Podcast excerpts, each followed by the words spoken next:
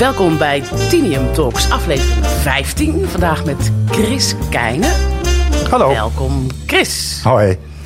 Ehm, jij komt natuurlijk uit de journalistieke wereld, vooral. Zeker. En je bent hier begonnen met de eh, journalistieke non-fictie, volgens mij, lezen. Ja, Geert Mak, daar ben ik mee begonnen Ja. eigenlijk. Ja, in Europa. De, de, de, het, het, het, het oorspronkelijke boek en het nieuwe boek. En Ja, ja. de, het, het bijvoegsel wat er dit jaar weer verschenen is. Ja. En hoe is het dan, dan nu ook fictie te lezen? Is dat Heerlijk. Ja? Heerlijk, ja.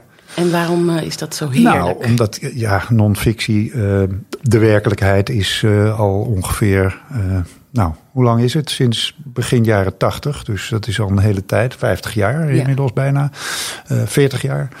Eh, mijn werkterrein. Ik, bedoel, ik, ik lees natuurlijk daarnaast ook boeken voor mijn plezier, romans enzovoort. Maar om met, non of om met fictie eh, te werken en Mhm. om mijn stem te kunnen gebruiken om verhalen te vertellen, anders Ja. dan, dan journalistieke verhalen. Ja, dat vind ik heerlijk. Ik vind het heerlijk om te doen. Ik heb altijd, denk ik, nou weet ik ook wel, wel een, een eh, latente behoefte tot acteren in me gehad. Ja. En dat kan je bij fictie veel Ja. beter uitleven dan nog, nog dan bij non-fictie. Dus ja, ik vind het ontzettend leuk om te doen. En moest je daar een beetje een andere stem voor vinden? Of is nou, dat niet eens zozeer zo? een andere stem. eh, in, in de zin van stemgeluid. Maar ja, je, moet, je, je, je doet andere dingen met intonatie natuurlijk. Je speelt meer. Je acteert meer. Zo, zo, anders anders kan ik het niet formuleren eigenlijk. Ja. En nou heb jij onlangs eh, De Vogels ingelezen van. Xavier Verzaas. Ja. In een nieuwe vertaling van... Ik heb begrepen van de uitgever dat het Fiesos is. Fiesos. Ja, E V-E-S-S-A-A-S. Zeg- Schrijf je het, maar Ja. het is Noors. Fiesos schijnt het te zijn. En eh, ik was hier toen jij dat eh, aan het uitlezen was. En toen Ja. kwam je op een gegeven moment al wat eerder je celletje uit en zei: Ik wil niet dat het uit is. Nee, nee. Ehm, nee, ik, het, het, ja, dat is natuurlijk zijn grote woorden, maar ik denk toch echt dat het zo is. Het is een van de mooiste boeken die ik ooit gelezen heb. Zullen we een stukje luisteren? Is goed? Waar Mattus mee kwam, was iets groots. Hij wist bijna niet hoe hij het moest vertellen. Het was nog het beste om het er gewoon maar uit te gooien. De houtsniptrek is vanavond hierheen gekomen, vertelde hij. Het kwam er stijf uit. Hij voelde zich bijna een vreemde, zo bij haar bed. Hege was zijn toon ook wel opgevallen, een tong die verlamd was van verwondering en ontzag. Maar ze had al te veel ervaring met de merkwaardige dingen waar Mattis opgewonden mee kwam aanzetten. Dingen die zich meestal snel genoeg oplosten en dan niet meer merkwaardig waren. Ze zei rustig: De houtsniptrek? Oh ja, ga nou maar slapen, Mattis. Mattis begreep er niets van. Ga maar naar bed, Mattis, zei ze, voorzichtig omdat ze zijn vertrokken gezicht zag. Mattis kreunde van teleurstelling. Heb je niet gehoord wat ik zei? De houtsniptrek heeft zich verplaatst. Ze vliegen hier recht over het dak. Het is nu bezig, nu, terwijl jij hier in je bed zit. Wat maakt het boek zo ontzettend mooi voor jou? Nou, het, het gaat over een man. eh, die, eh, overigens heb ik dat tot mijn eigen verbijstering pas net ontdekt. Omdat ik iemand erover zag schrijven eh, van 37, deze Ja, Mattis. Die, Dat had ik ook niet eens gezien. Nee, Ik, ik, heb het hele boek gelezen alsof het een, een jongen was. Ja, van een jaar ook. of 17, 18. En ik lees, lees nu inderdaad op de achterflap dat er staat de 37-jarige Ja. Mattis. Maar dat is niet zo belangrijk, want de essentie van die Mattis is dat het een jongen is die op een hele andere manier naar de werkelijkheid kijkt als de meeste mensen. Die, die, die geen contact weet te maken met mensen echt die, ja, je zou hem autistisch kunnen noemen. Of, of nou ja, de mensen noemen dat dan meestal eh, gehandicapt of weet ik veel. Ik, ik, ik hou niet zo van die woorden Nee. om het te omschrijven, want het is een, een toestand die heel bijzonder is, want hij woont met zijn zuster aan een meer in Noorwegen. En ja, om, om, omdat hij die rare verhouding tot de werkelijkheid heeft, kan hij ook niet goed voor zichzelf zorgen. En woont hij dus, is hij ook volledig afhankelijk van die zuster. En ehm, ja, dat, dat, dat is bijzonder.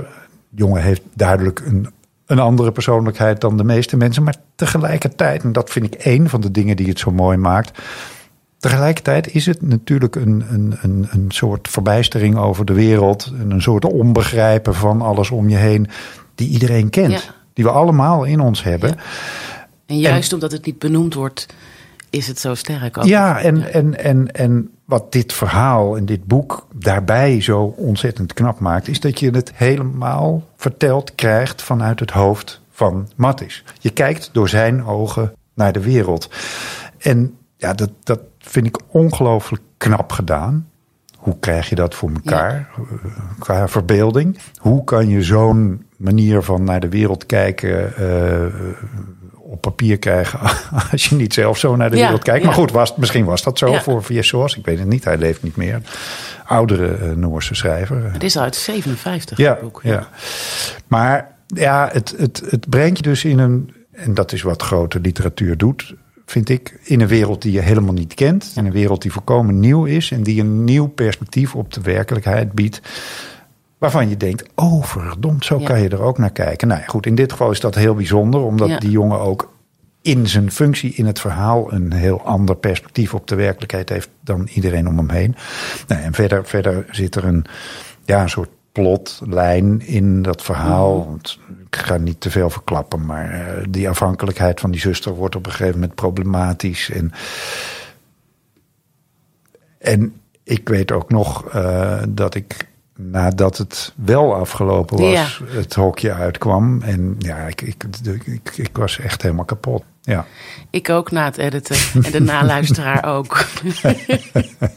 Ja, nee, het is, het is, een, het is, het is een prachtig, eh, maar Beeldschoon. hartverscheurend boek. Het is het allerhoutsnipste boek.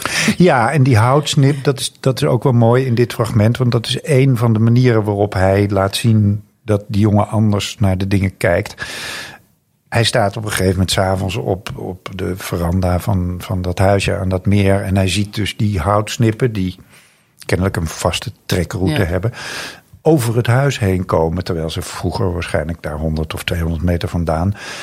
En dat is voor hem ongelooflijk Ja. belangrijk. En hij, hij, hij voelt meteen dat hij een band heeft met die vogels. Ja. En, en, en nou ja, later heeft hij ook een band met een van die vogels in het bos. En zijn er tekens op de grond. Ja. En allemaal. Maar dat, dat staat voor die werkelijkheid waarin hij leeft. Die, die ja, gewoon net even iets naast onze werkelijkheid ligt.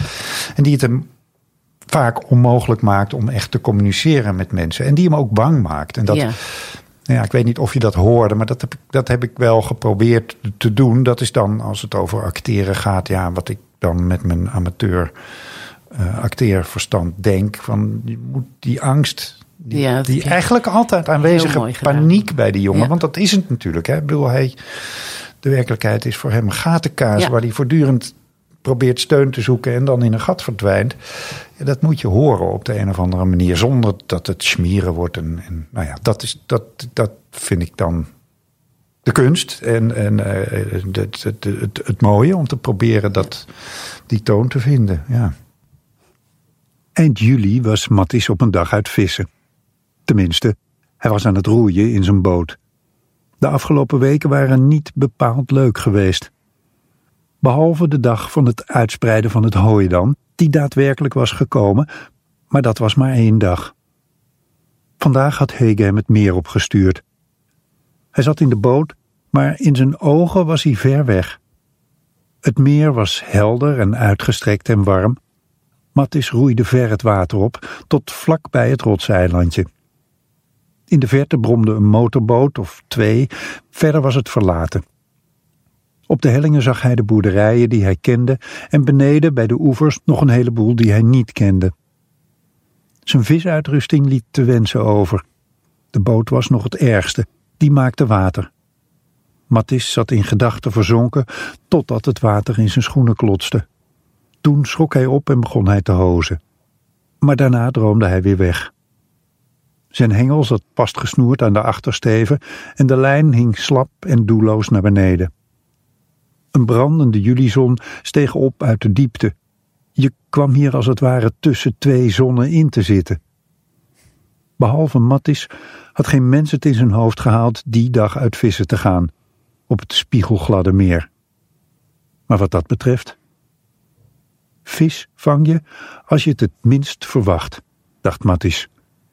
Dus ik ben nu niet degene die dom is. Hij dacht aan het gesprek met Hege vlak voor hij in de boot stapte. Jij denkt dat ze je uitlachen, ook al is dat helemaal niet zo. Ja, dat had Hege gezegd. Bij het zien van al die boerderijen kwam het weer terug. Hij probeerde te bedenken wie hem echt kwaadgezind was en hem belachelijk maakte.